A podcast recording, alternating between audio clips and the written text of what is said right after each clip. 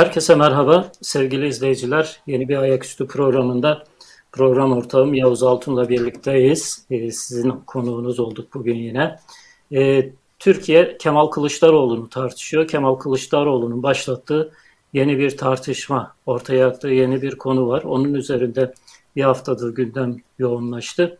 Ee, ki AKP'nin farklı atraksiyonları, farklı gündem belirleme çabalarına rağmen e, Kemal Bey bir anlamda gündemi force ediyor. Gündemi e, belirleyebiliyor. Bu da AKP'liler açısından kötü haber diyebiliriz. Uzun bir zamandır gündemi muhalefet belirliyor. Meral Akşener yerine göre. Yerine göre Temel Karamollaoğlu, yerine göre de e, Kemal Kılıçdaroğlu gündemi belirleyebiliyor. E, bu hafta konuşulan gündem e, Kemal Kılıçdaroğlu'nun sosyal medya hesaplarında paylaştığı bir video. E, helalleşme seyahatine çıkacağını, bir helalleşme arayışı içerisinde olacağını açıkladı Kemal Kılıçdaroğlu ve bu e, bir anlamda bomba gibi düştü gündeme. E, AKP'liler önce tavır belirlemekte zorlandılar. E, şimdi çok naif diyebileceğimiz tavırlarla, tepkilerle karşılıyorlar. Ama hiç beklenmeyen, daha doğrusu aslında beklediğimiz bir yerdi. E, fakat e, bu kadar erken ve bu kadar güçlü bir tepki kadar kolay kendilerini açık etmelerini ben şahsen beklemiyordum. Ulusalcılardan büyük bir tepki gördü. Bu konuları konuşacağız bugün Yavuz Altun'la. E, helalleşme mümkün mü? E, geleneğimizde helalleşme diye bir kavram var mı? E, ve Kemal Kılıçdaroğlu neyi amaçlıyor? Gerçekten helalleşme e, yolculuğuna çıkabilir mi? Bu yolculukta onu bekleyen badireler, bu yolculukta onu bekleyen tehlikeler, kaza risklerine Bunları konuşacağız ama öncelikle Yavuz Bey şeyle başlayalım istersen. Geleneğimizde e, helalleşme diye bir şey var mı? Sen tarihe meraklı, donanımı da tarih olan bir kişi olarak yakın tarihe baktığımızda he, helalleşme geleneğini görebiliyor musun, okuyabiliyor musun? Ee, aslında şöyle bir yakın tarihte e, örnekleri sayılabilecek şeylerden bir tanesi. İşte Demokrat Partililerin önce 27 Mayıs'ta yasaklanması akabinde tekrardan affedilmeleriyle ilgili bir mevzu var hatırlarsınız ki bu e, İsmet Paşa Demokrat Partilileri affetmek istiyor. Fakat asker buna kabul etmek istemiyor. Yani işte özellikle 27 Mayıs sonrası oluşan e, yeni askeri düzen. Hatta bu tartışmalar işte Demirel'in vesaire de devreye girmesi sonrasında askerin e, siyaset üzerine ne kadar etkin olduğunu da bize gösteriyor o dönem için. Ve hatta e, 12 Mart e, muhtırasına kadar da e, bunun artçılarının sürdüğünü görüyoruz. Bir diğer helalleşme ya da affetme e, meselesi de işte 12 Eylül sonrası. Bu sefer Özal e, pek istemiyor. Ee, ama bir şekilde işte yasaklı liderlerin işte Demirel gibi, Türkeş gibi, Ecevit gibi yasaklı liderlerin yeniden siyasete atılması e, yönünde bir referandum yapılıyor ve Özal orada biraz da güç kaybetmeye başladığı dönem olarak okunabilir.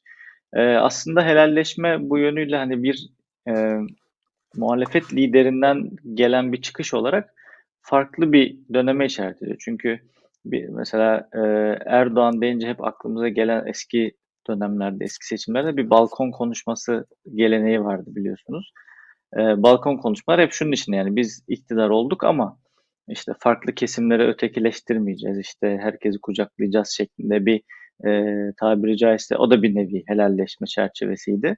Ama şu an bir e, muhalefet liderinden geliyor ve bu muhalefet lideri de yakın zaman içerisinde kendisini e, iktidarda göreceğini düşünüyor. Erdoğan'ın gidişini sürekli müjdeleyen bir muhalefet lideri. Ama buna rağmen e, bir helalleşme derken öyle çok e, hadi affedelim ya da hadi e, sizi e, farklı bir noktaya çekelim şeklinde değil de e, helalleşelim ama herkes de bir anlamda yaptığı şeylere itiraf etsin gibi bir hava içerisinde söylüyor Kemal Bey. Yani dolayısıyla buradaki helalleşme aslında rejiminden sonra e, bir e, hakikat komisyonları denilen bir yapı kuruluyor ve buraya gelip suçunu itiraf eden işte ben mesela beyazlar özelinde e, siyahlara şunu yaptım bunu yaptım e, diyen isimlerin e, ve bunu affedip pişmanlık dileyen isimlerin e, bir şekilde e, affedilebileceği yönünde bir e, durum ortaya çıkıyor. Çünkü hem çok fazla bir işbirliği söz konusu hem de çok yoğun bir e, sistematik bir zulüm söz konusu. Dolayısıyla e, bu hakikat komisyonları Güney Afrika'nın yeni bir sayfa açması yönünde bir e, hamle gibi düşünülebilir. Kılıçdaroğlu aslında biraz buraya çağrı yapıyor. Yani gelin itiraf edin, gelin helalleşelim, gelin herkes eteğindeki taşları döksün, yeni bir sayfa açalım, yeni bir e, Türkiye'ye gidelim, geçmişe değil geleceğe bakalım şeklinde bir e, ben en azından öyle anlamak istiyorum ya da öyle anlıyorum. E, tabii bu açıklamanın özellikle Dersim e, yani katliamının yıl dönümünde yıl dönümünden birkaç gün önce e, yapılmış olması zannedersem ulusalcıları özellikle e, çıldırtan tarafıydı. E, yani bu yönüyle de tabii Kemal Bey CHP'yi de ayrı tutmayacağını bir anlamda ortaya koymuş oldu. E, bütün bunları bir araya koyduğumuzda dediğim gibi yani helalleşme, hesaplaşma gibi de okunabilir. Yani e, aldığı tepkilerden benim anladığım şey şu, e, iki tür tepki aldı. Bir e, hesaplaşma isteyenler, e, AKP'den hesap sorulmasını isteyenler sanki bir hesaplaşma yaşanmayacak, sanki bu dönemin e, günahları tamamen örtbas edilecek ve bu dönemde e, işlenen suçlar, işlenen günahlardan hiçbir şekilde insanlar sigaya çekilmeyecek, sorguya çekilmeyecek. E, Kemal Bey aslında konuşmasında bunu düzeltecek cümleler de e, sarf etmişti. Ondan sonra da zaten CHP'li sözcüler e, daha açıklayıcı, daha izah edici açıklamalarla e, meramlarını biraz daha anlattılar. Elbette ki ortada bir suç varsa, hukuk ihlalleri varsa bunlara hesap sorulacak. Ya da işte Kemal Bey'in konuşması sırasında dediği gibi e, kamu malını e, bir anlamda haksız olarak, hukuksuz olarak, hatta yolsuz olarak e, kendi menfaati için kullanan ve beşli çete olarak öngörülen, beşli çete olarak adlandırılan kişilerden elbette ki hesap sorulacak. E, ikinci bir karşı çıkış dalgası da e, bu hesap sormanın e, sınırları nerede duracak? Senin de biraz önce söylediğin gibi yani Dersim katliamının yıl dönümünün birkaç gün öncesine denk gelmiş olması e, ultra kemalistleri, ultra ulusalcıları biraz panikletti, biraz e, endişelendirdi ve onlar da hemen bu helalleşmeye ve hesaplaşmaya bir sınır çizmeye çalışıyorlar. Yani nereye kadar helalleşeceksin?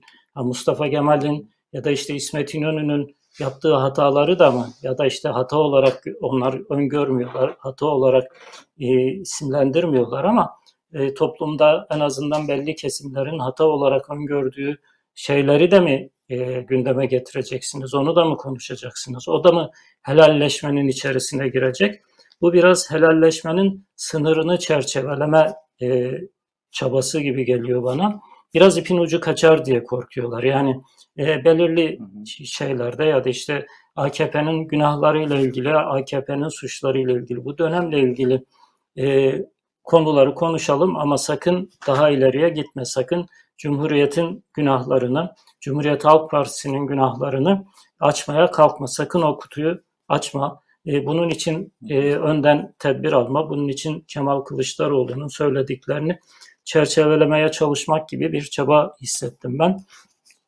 Kemal Bey bunu sanki e, konuşması sırasında şeyini işaretlerini de biraz verdi. Yani ben neden bugüne kadar bekledim, neden e, şimdi bu helalleşme e, seyahatine çıkıyorum. E, partimde e, bu günahların, bu e, düz, düzeni oluşturan bir kısım unsurlar vardı. O sistemi de değiştirmem gerekti dedi. Aslında bu çok önemli bir itiraftı. Yani partideki o ulusalcı ağırlığını, ulusalcıların, e, ultra kemalistlerin, e, ke, Kemalizmi suistimal edenlerin, kendi iktidarları açısından Atatürk'ü de bir perde olarak kullananların e, iktidarına parti içerisinde bir anlamda son verdim. Sistemi değiştirdim, düzeni değiştirdim ancak şimdi konuşabiliyorum ifadesi bence çok önemliydi. E, tabii ki Kemal Kılıçdaroğlu'nun bugün bu özgüvenle konuşabilmesinin önemli sebeplerinden bir tanesi de son yerel seçimde e, partisinin ve onun bir anlamda yönettiği ittifakın elde ettiği büyük başarı. Yani bütün büyük şehirleri Ankara, İstanbul, İzmir zaten onlardaydı. Antalya, Adana gibi AKP'nin kalesi olarak bilinen bütün neredeyse büyük şehirleri e, kazanmış olmaları ve önümüzdeki genel seçimde de e, kendi konuşmalarına da zaten yansıyor. Seçimi kazanacak bir e, blokun lideri olarak konuşuyor. O havada konuşuyor ve hani bir anlamda siyasal olarak hesap soracağız. E, hukuksal olarak hesap sormak zaten bizim yetkimizin dışında biz sadece hukukun iyi çalışmasını temin edeceğiz. Hukukun önündeki engelleri kaldıracağız.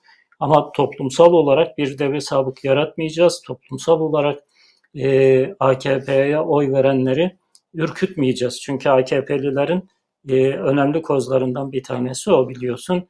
E, işte biz gidersek başörtüsü yasak olur. Biz gidersek işte camiye gidemezsiniz. Biz gidersek camileri tekrar ahır yaparlar filan gibi bir e, propaganda içerisinde. Bu propagandayı da e, ellerinden almaya çalışıyor sanki Kemal Bey.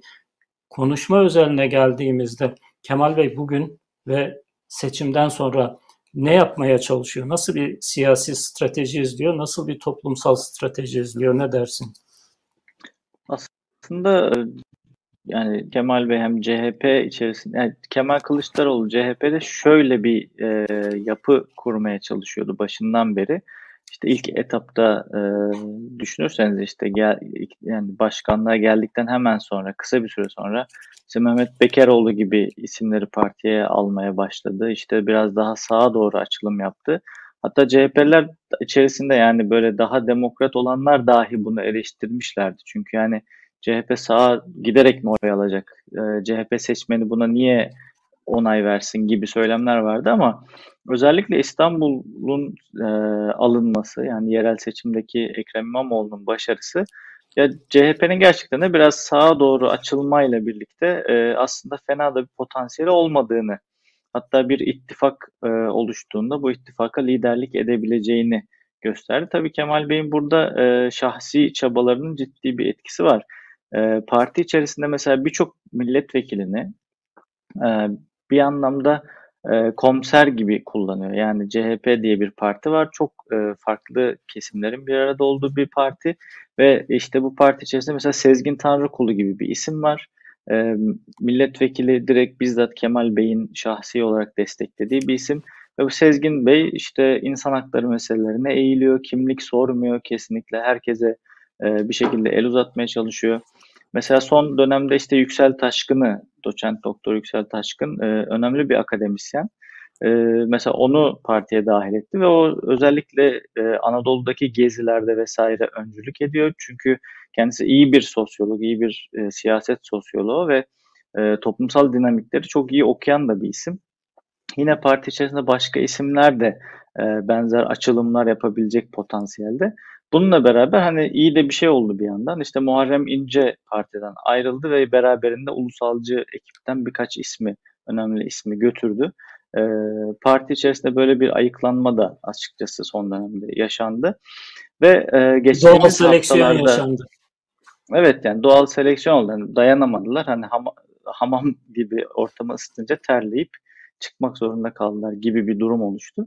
Ee, bununla beraber ee, yani Kılıçdaroğlu daha önce de yani bu konuşmadan önce de verdiği röportajlarda ya da işte bu e, yurt gezileri esnasında gazetecilere verdiği mesajlarda hep şunu söylüyordu yani biz bugüne kadar hep yumruğumuz sıkılı halde insanlarla konuşmaya başlamışız. Şimdi o yumruğu açıyoruz, elimizi uzatıyoruz demeye başladı. Yani bunlar önemli gelişmeler açıkçası ama e, yani bu tabii bir ümit Türkiye için, Türkiye'nin geleceği için ciddi bir ümit. Ama e, yani 20 yıllık Erdoğan dönemi bize en azından şunu öğretmiş olmalı. Hani lafla icraatı ayırmak lazım. Yani sözde insanlar çok demokrat olabilir, çok e, iyi yönde Türkiye'yi götürmek istiyor olabilir. Ama icraatte işler biraz farklı gidebiliyor. Yani işte çıkar grupları devreye giriyor, başka şeyler devreye giriyor. Yani yarın bir gün e, hani bir iktidar değişikliği olduğunda işte e, Kemal Bey'in ya da CHP'nin liderliğinde yeni bir koalisyon Türkiye'yi yönetmeye başladığında nereden kimin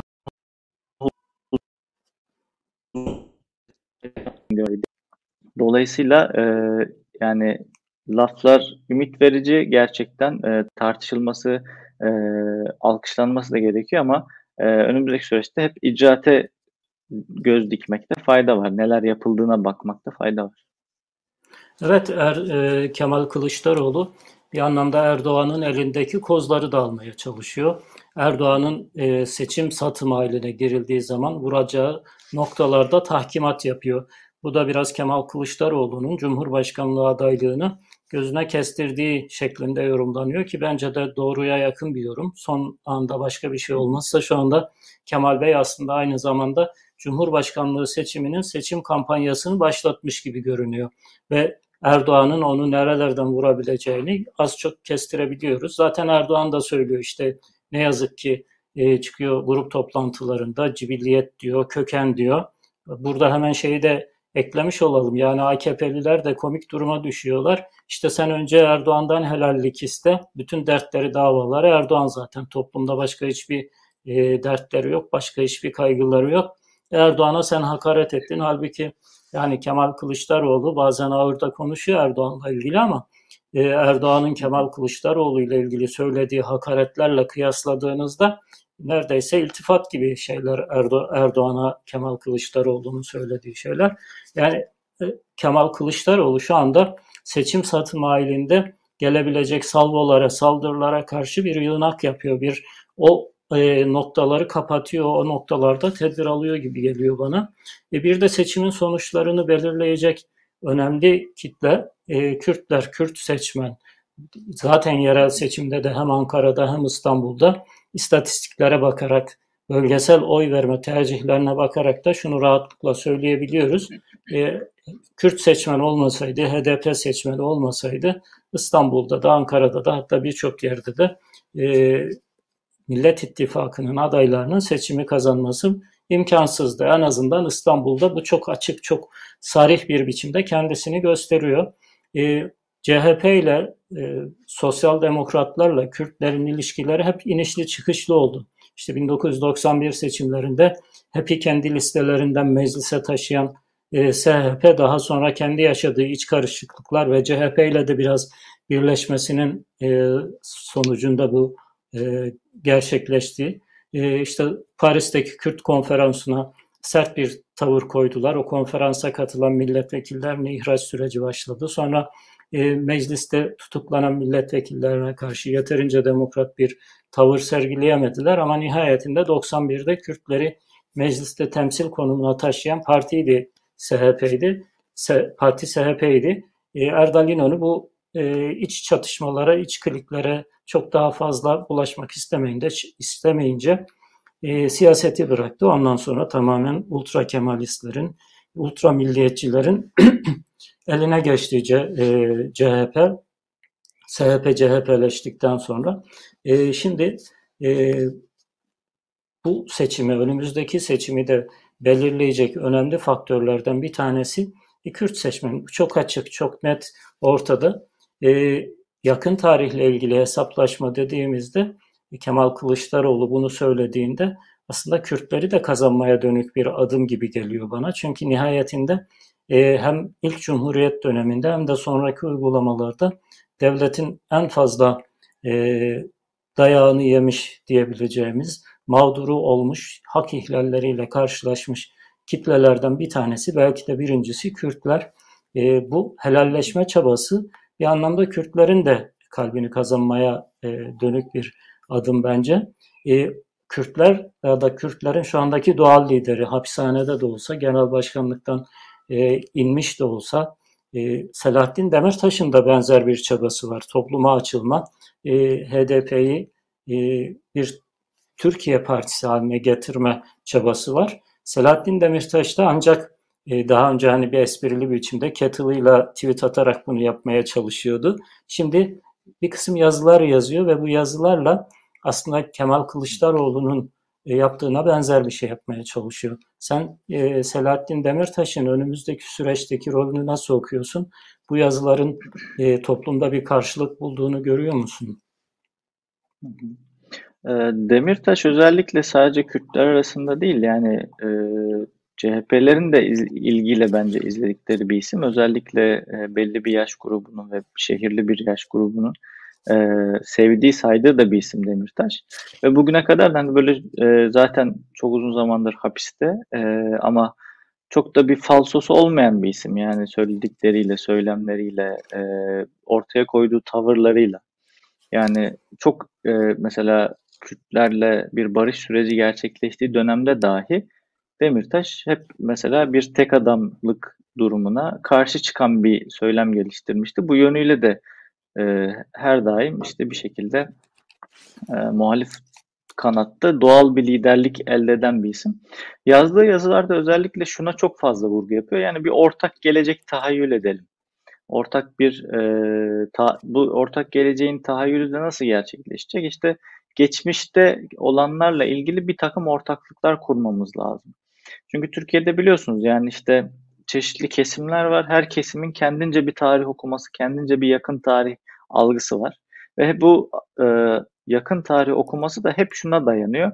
Biz iyiydik, biz bizim hiçbir kabahatimiz yoktu. Hep ötekiler kabahatli diye dayanıyor. Yani işte solculara gidiyorsunuz bütün suç işte sağcılardaydı. Sağcılara gidiyorsunuz bütün suç solculardaydı. İşte bunun çok çeşitli varyasyonlar var. Yani hangi gruba giderseniz gidin diğerleri suçluydu biz tertemizdik şeklinde bir tarih okuması var. Yani e, Demirtaş'ın öncelikle buna çok vurgu yapması önemli. Yani bunu bir şekilde değiştirmemiz lazım. Bir şekilde ortak bir anlatıya kavuşmamız, ortak bir hikayeye kavuşmamız lazım. Mesela e, bu çabasının bir e, şeyi olarak, örneği olarak önceki gün Evrensel Gazetesi'ne bir yazı yazdı mesela ve solculara hitap etti Türkiye'deki. Ve yani eğer dedi Millet İttifakı içerisinde yer almayacaksanız alternatifiniz ne? Yani solculara çok net bir şekilde ifade ederek yani şu an öndeki en büyük tehlikenin, en büyük meselenin e, bir tek adamı devirmek olduğunu, ondan sonra başka şeylerin konuşulması için alan açılabileceğini e, söylüyor. Tabii bu e, karşılıksız ya da boş bir söylem değil. Yani daha, daha önce işte bir de tabii yerel seçim örneği de elimizde olduğu için insanlar çok rahatlıkla evet ya bu bu şekilde davranırsak bu sistem işliyor diyebiliyor. Bununla beraber e, Demirtaş'ın vurgu yaptığı önemli bir kısımda toplumsal muhalefet. Yani halk içerisinde artık toplumun çeşitli kesimlerinin bir bıkkınlığı var yani sadece ekonomik durum değil. E, yani sürekli bir gerilim içerisinde yaşamanın getirdiği bir e, durum da söz konusu. Dolayısıyla insanlar önüne bakmak istiyor yani istiyordur çünkü son aşağı yukarı 10 senedir sürekli bir kargaşanın içerisinde Türkiye ve e, bu kavgalar, kesimler arası kavgalar her şeyde geriye gitmeyi e, beraberinde getirdi. Yani eğitimde, sağlıkta, işte en basit e, hizmetlerde dahi insanlar ciddi sıkıntı yaşıyorlar. Ekonominin durumu zaten ortada. Yani dolayısıyla e, tansiyonu düşürecek, uzlaşmaya çağrı yapacak şu andaki her söz aslında kıymetli. Özellikle de belli kesimlerin önde gördüğü isimlerden gelirse bu sözler yani Demirtaş ve Kılıçdaroğlu mesela e, kutuplaşmayı arttırabilirlerdi. Nitekim Muharrem İnce mesela böyle bir figür. Daha da damarına basarak siyaset yapmayı önemseyen bir figür. Ama onun bir işe yaramadığı görüldü. Yani bu kutuplaşmayı arttırdığınızda bu yine Erdoğan'ın hoşuna giden, Erdoğan'ın işine gelen bir durum. Yani bu e, kesimler arası tarihsel e, yarılmayı arttırmak işte ben iyiydim sen kötüydün kavgasına sürekli e, siyaseti getirmek ya da e, tartışmaları hep buraya odaklamak sürekli biz siz ayrımına gitmek nihayetinde kim iktidardaysa ona yarıyor. Kim e, bu kutuplaşmadan faydalanıyorsa ona yarıyor. Dolayısıyla bunu alternatifi olabilecek isimlerde doğal şekilde ön plana çıkıyor. Demirtaş da o isimlerden ve en önemlilerinden biri bence. E, Kemal Kılıçdaroğlu başka önemli bir şey daha yaptı yakın zamanlarda. Daha doğrusu dün diyelim. E, Türkiye Odalar ve Borsalar Birliği'ni ziyaret etti. Rıfat Hisarcıklıoğlu'yla görüştü. E, Türkiye Odalar ve Borsalar Birliği top e, merkez sağın bilhassa şu anda son 20 yılda e, AKP'nin arka bahçesi gibi. Zaten Rıfat Hisarcıklıoğlu da Varlık Fonu'nda yönetim kurulunda üye e, ve bugüne kadar da iktidarın en yakın e, çalışma arkadaşlarından bir tanesi diyebiliriz. Ama çok önemli bir noktadan yaklaşarak TOB'u ziyaret etti. top tercihi önemliydi. Mesela TÜSİAD'ı değil de topu topu tercih etmesi önemliydi. Ve oradaki söylemleri, oradan çıkıştaki söylemleri de bence çok önemliydi. Bir hani AKP'yi kendi evinde e, bir anlamda vurmak diye okudum ben bu fotoğrafı. E, bütün e, enerji zamlarını sanayiye yapıyorsunuz. Vatandaşa, hane halkına yansıtmıyoruz diyorsunuz. Ama eninde sonunda sanayici ürettiği malın maliyeti arttığı için vatandaşa bu zamları yansıtmak zorunda. Ama çok kurnazca bir adım. Siz doğrudan vatandaşa zam yapmış olmuyorsunuz. Sanayiciler üzerinden yapmış oluyorsunuz. İşte marketlere yaptığınız gibi, soğan e, komisyoncularına yaptığınız gibi, üreticilerine yaptığınız gibi iki gün sonra gidip sanayicileri de mi basacaksınız? Yani bu zamların müsebbibi olarak sanayicileri mi göstereceksiniz? Doğalgaza şu kadar zam yapmışsınız, elektriğe bu kadar zam yapmışsınız. Böyle bir ortamda e, günah keçisi olarak toplumla karşı karşıya sanayiciyi bırakıyorsunuz. Kendiniz aradan çekiliyorsunuz gibi bir söylemi de vardı. E, akıllıca bir hamle olarak okudum ben açıkçası e, bu ziyareti de.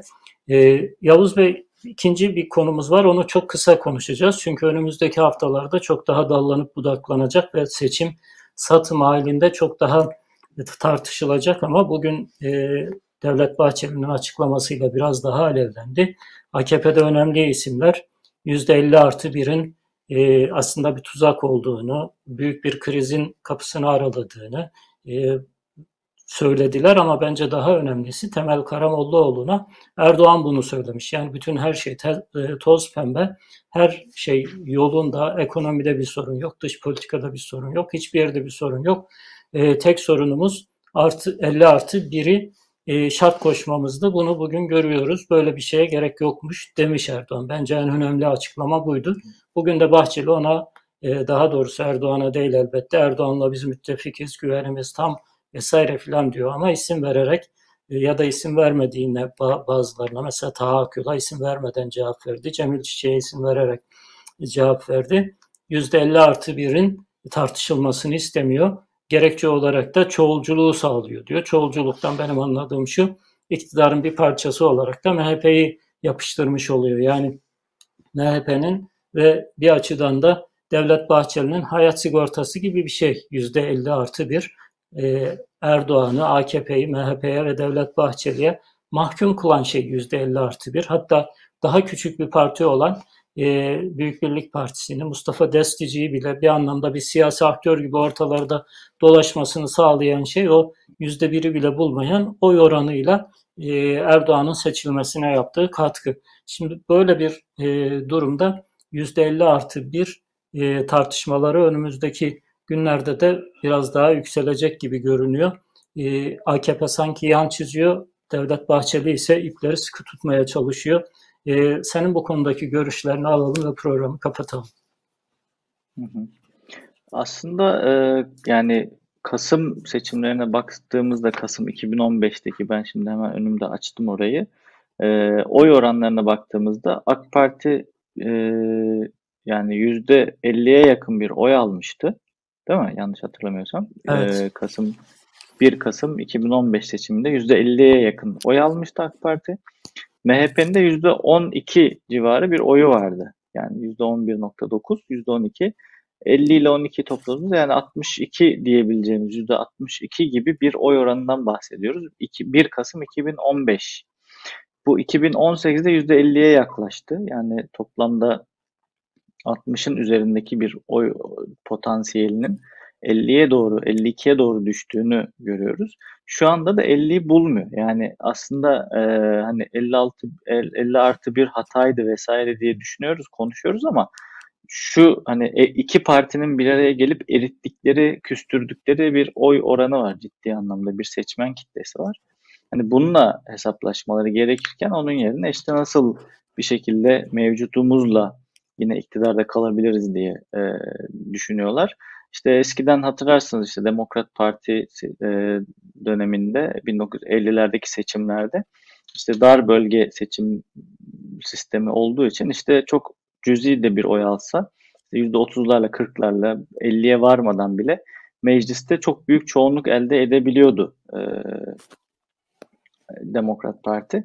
Daha sonra yine benzer partilerin çok yine AK Parti'nin de hatta ilk döneminde parti, meclisin bir anda iki partili olmasıyla haddinden çok fazla milletvekili sayısına ve bir güçe, bir çoğunluğa ulaş, ulaştığını, eriştiğini gördük. Yani aslında Erdoğan'ın hakkındaki şey bu yani hani az ol, az da oy alsam bir şekilde birinci parti olmayı garanti görüyor ve birinci parti olduğumda her şeyin hakim olayım. Bir koyayım işte beş alayım şeklinde bir sistem. Tabii e, bunu kendi elleriyle e, baltalamış olmaları tabii daha büyük bir handikap. Çünkü eğer CHP bu öneriyi getirmiş olsaydı çok rahatlıkla CHP'nin üzerine suç atarak ya da işte e, bir şekilde muhalefeti suçlamak suretiyle e, kolaylıkla bundan yırtabilirlerdi ama şimdi kendi getirdikleri kuralı yeniden değiştirmek istemeleri e, yani vatandaş karşısında acizliğin itirafı gibi bir şey. Ve bunun yani bu sistemi değiştirseler bile bunun giden seçmeni geri getirme gibi bir şey yok. Bilakis işte elde bu var. Elimizde ne kadar kalmışsa artık onlarla yönetmeye devam edelim e, şey şey e, arzusundan başka bir şey de değil gibi geliyor bana. Evet. Sevgili izleyiciler e, programımızı burada e, kapatalım, tamamlayalım. Süremizi de birazcık hı hı. aşmış olduk. E, önümüzdeki haftalarda yine ayak üstünde sizinle birlikte olmayı arzuluyoruz. Lütfen kanalımıza abone olmayı ve bildirimleri açmayı unutmayın. Ta ki size çok hızlı ve kolay bir biçimde ulaşabilelim. Hepinize iyi haftalar diliyoruz.